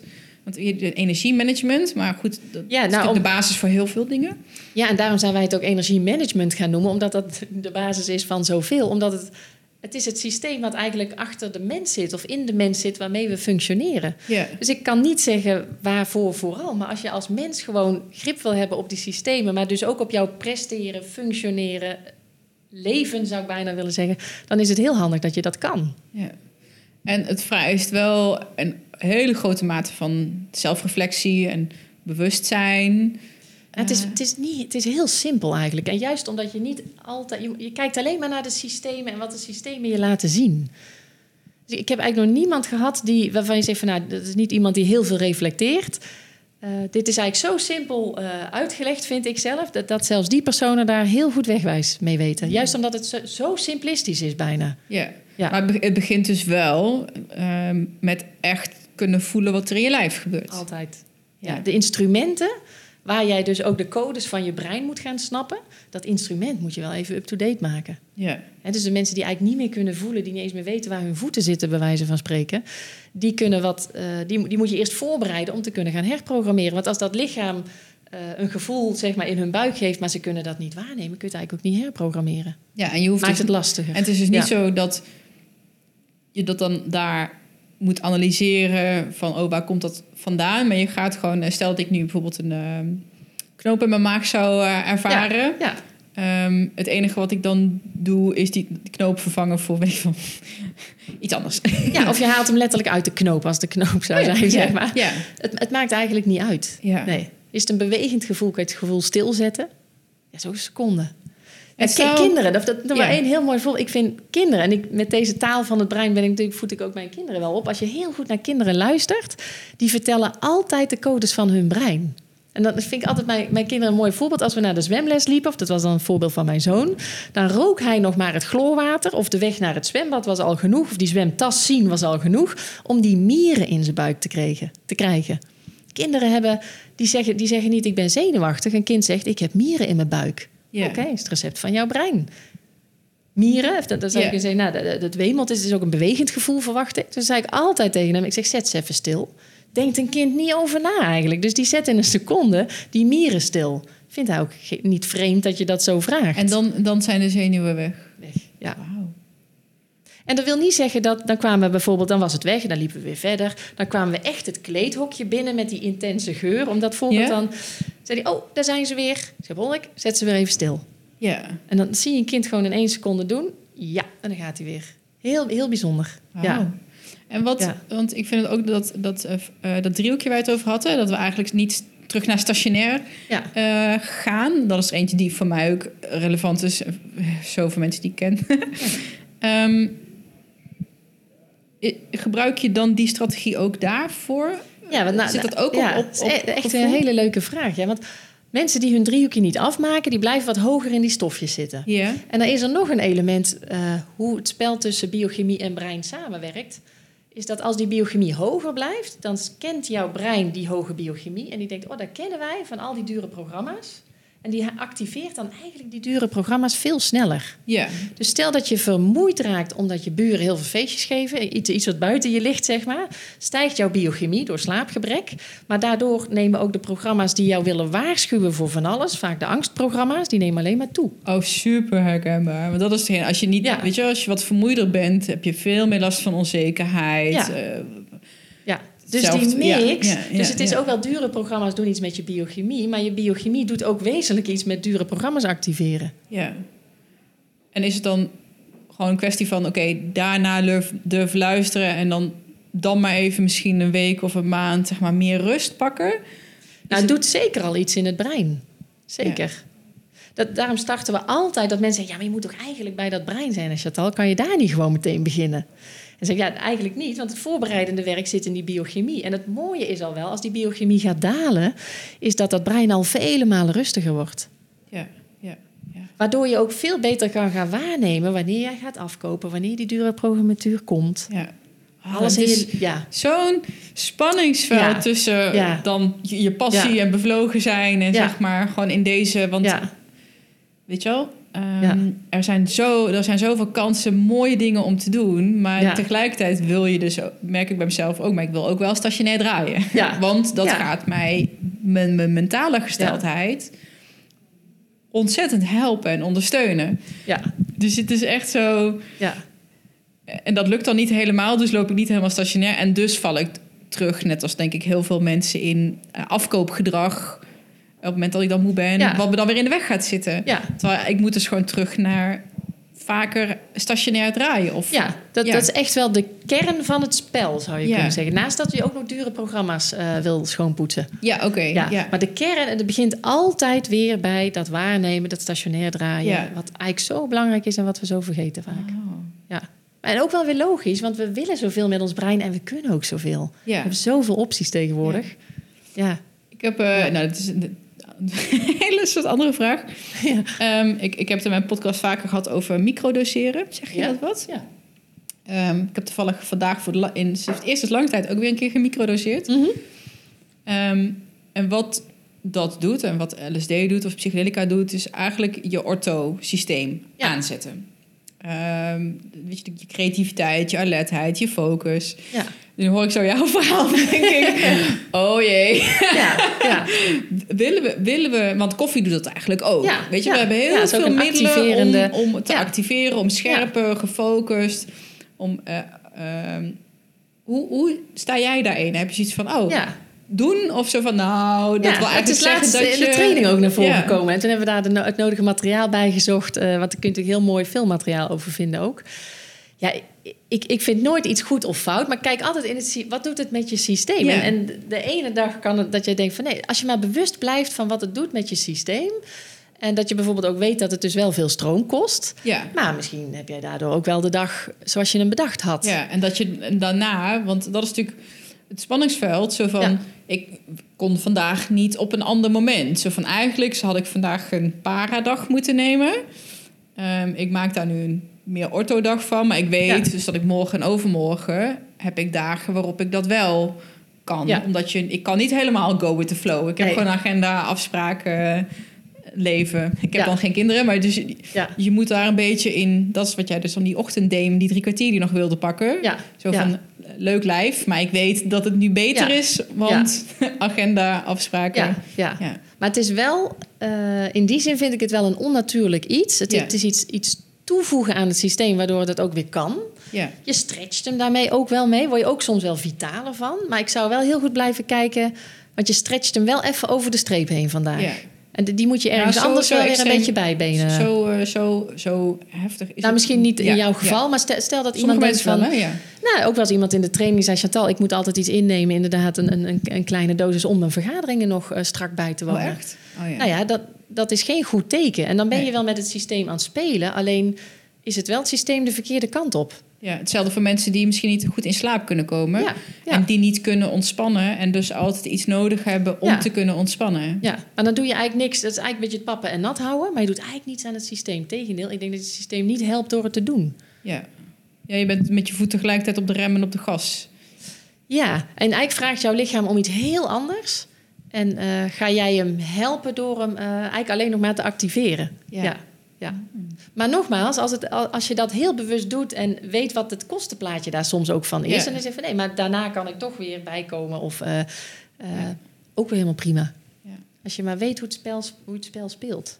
Ja, ik, En dat het geen afkopen wordt. Dat, dat je het juist nodig hebt om ook nog tot rust te kunnen komen. Nou, dat is bij mij Ja. gelukkig. eh, Nee, maar dat is ook wel iets. Of die ja, persoon die ik nu in gedachten heb, zeg maar, die kon niet meer zonder dat middel eigenlijk. Om, om nog goed te functioneren in zijn Oh. functie. Ja, ik merk voor mezelf, en ik krijg er best wel wat vragen over. Hè. Is het verslavend? Heb je dat dan niet elke dag nodig? Ik denk, nou, Ja.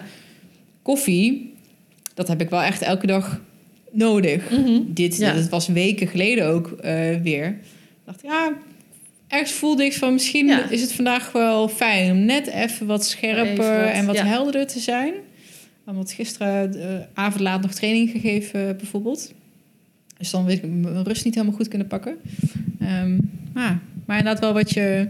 En ik hoor het ook wel eens van mensen die zeggen... Ja, weet je, ik, ik, ik merk dat s'avonds wel... Ik heb dan een, een energiedip. Mhm. Dat heb ik nooit gehad. Maar misschien omdat ik altijd een beetje hoger dan stationair draai. Ja. ja. Hmm. Ja, nou, interessant. En zo zijn we. Ja. maar ja, ik, ik, ik ben nooit van goed of fout als je het systeem maar snapt waar je mee speelt eigenlijk. Welk, Ja, we doen met alles. Hè. Hoe, eh, Voeding doet het, ademhaling doet Ja. het. Je kan jezelf oppeppen. En Ja. ik, kwam nou van de week tegen? Eh, hoe heet dat nou? Ken je het boek Power versus Force? Nee.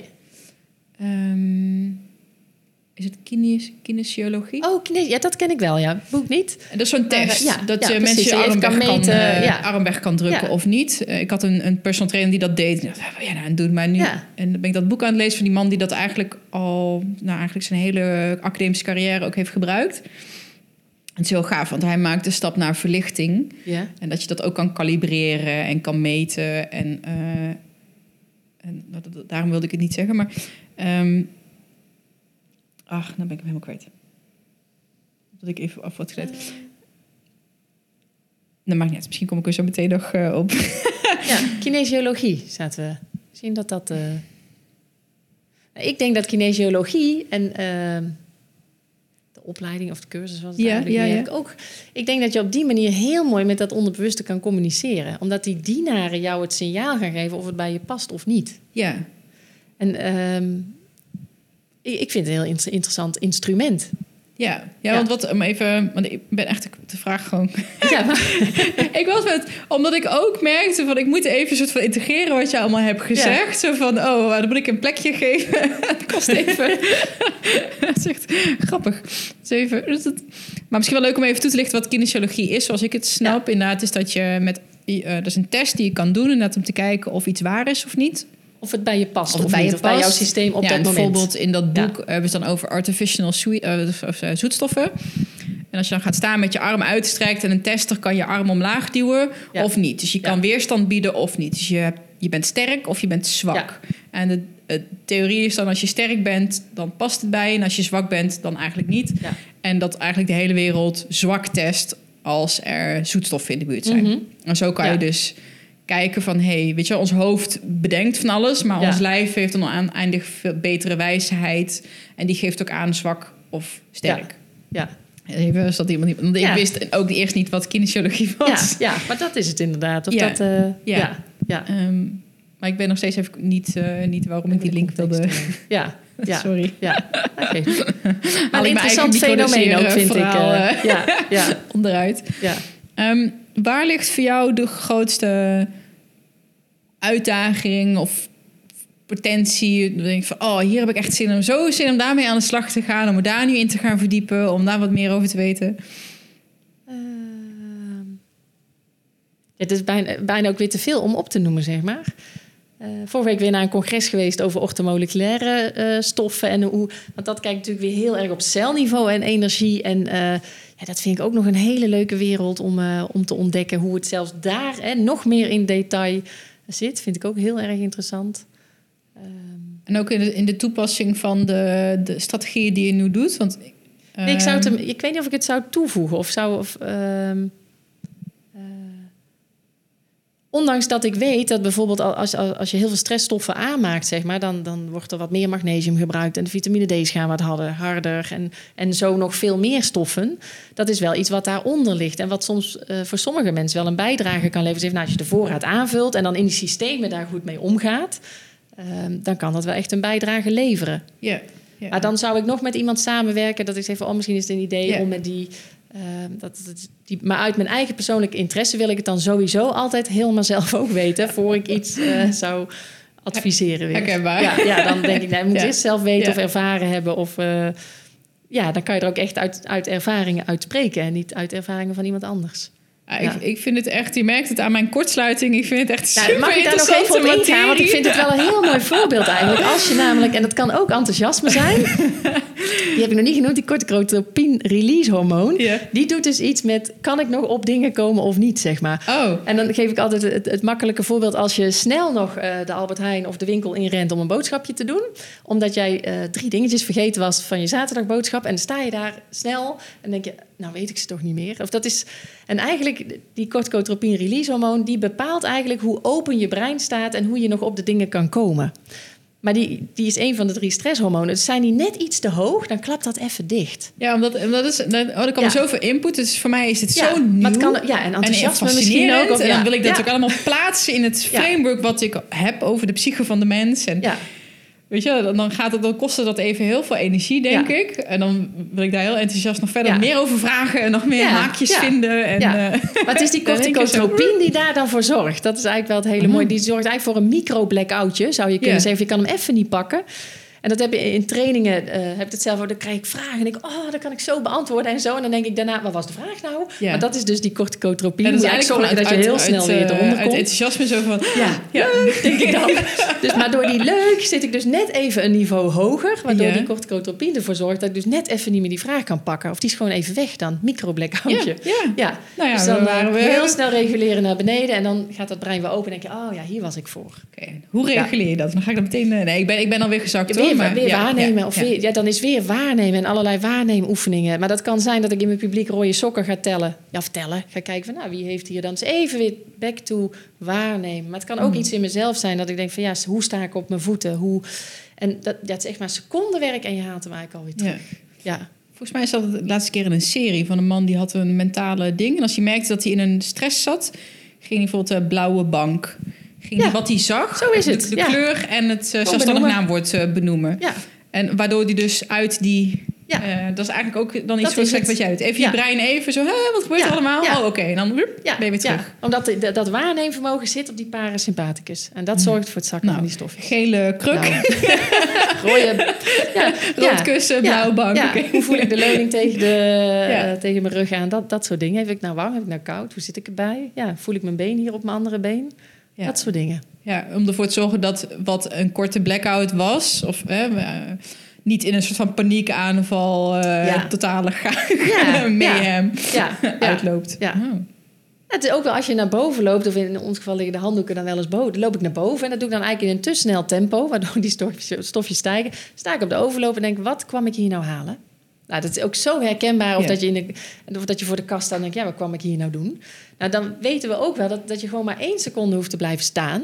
En daar ook niet over na hoeft te denken. Maar in die ene seconde reguleer je weer een beetje. Omdat je ook gestopt bent met de actie, letterlijk. hè? Dus de Mhm. actieprikkel is ook weg. En dan gaat dat eh, Ja. gaat vanzelf open. Dus het is iets wat heel de dag door eigenlijk ook Ja, wat, wat we Ja. volgens mij ook allemaal intuïtief al heel erg doen. Ja, ja. Van, dat, je, dat je even stilstaat. Ja, en dan ga je dus dan maar even iets anders doen en dan komt het Ja, weer terug. Ja, ja, ja. Het is eigenlijk heel intuïtief en back to basic. Ja, Ja, maar omdat je het eventjes kenbaar maakt, gaat analyseren, kun je dus weer terug naar dat intuïtieve. ja en het is wel analyse. Of jij zou, ik zou het woord analyseren zelf niet gebruiken, omdat daar meteen een, een, eh, oor, be- een oordeling, beoordeling aan. Het is, het is al- waarnemen zonder doel, waarnemen zonder enige rood kussen. Ja. Nee, ik bedoel de, de hele, ehm, jouw, jouw framework, zeg maar. Oh, sorry. Dat, is eigenlijk zo, eh, wat je in het begin zei, is van ik moet eerst weten dat die stofjes er zijn. Ja. Om een soort van de verbinding weer te maken naar, naar meer intuïtief kunnen inchecken. Terwijl ik eerst helemaal niet wist. eh, het is een manier om, om weer terug bij onszelf te komen eigenlijk. Ja, Dus het ja. lijkt alsof het heel Ja. ingewikkeld is, maar het is eventjes nodig zodat je daarna weer terug kan Ja. vertrouwen op je eigen systeem. ja, en omdat dat dan weer de ingang is tot je brein. Ja. Ja, Ja. Ja. ja essentieel. Als je het lichaam niet kan besturen, wordt het ook wel erg moeilijk om je brein te besturen. Ja. Geweldig. Ja, bedankt voor deze micro-blackout. Is er nog iets waarvan je denkt van... oh, dat had ik heel graag willen vertellen... even ze vergeten te vragen... of dit moet ik echt nog even toevoegen... om een beter beeld te krijgen van wat we doen? Oh. Nou, rood kussen, blauwe bank. Gele poef. Nee, hoor, nee, gele poep. nou, wel heel leuk. Nou, ik denk dat we wel heel mooi door, door het verhaal heen gegaan zijn. Waar ik voor sta en waar ik... eh, en dan ben ik heel erg van praktisch en gewoon alle minuut. Simpel, vaak herhalen. Geen zwaar programma, maar gewoon doen zoals we gemaakt zijn. En, Ja. en dat gewoon in hele kleine dingetjes toepassen. Nou, heel mooi. Ik vind het een heel een fantastische aanpak. En Ja. denk ik super waardevol lijkt me ook. Ja, Ehm, dus waar kunnen mensen meer over jou vinden? Op de website www.topstate.nl. Onder andere. Ja, Nou, eh dankjewel. heel graag gedaan. Voor dit leuke gesprek. Ja, en succes.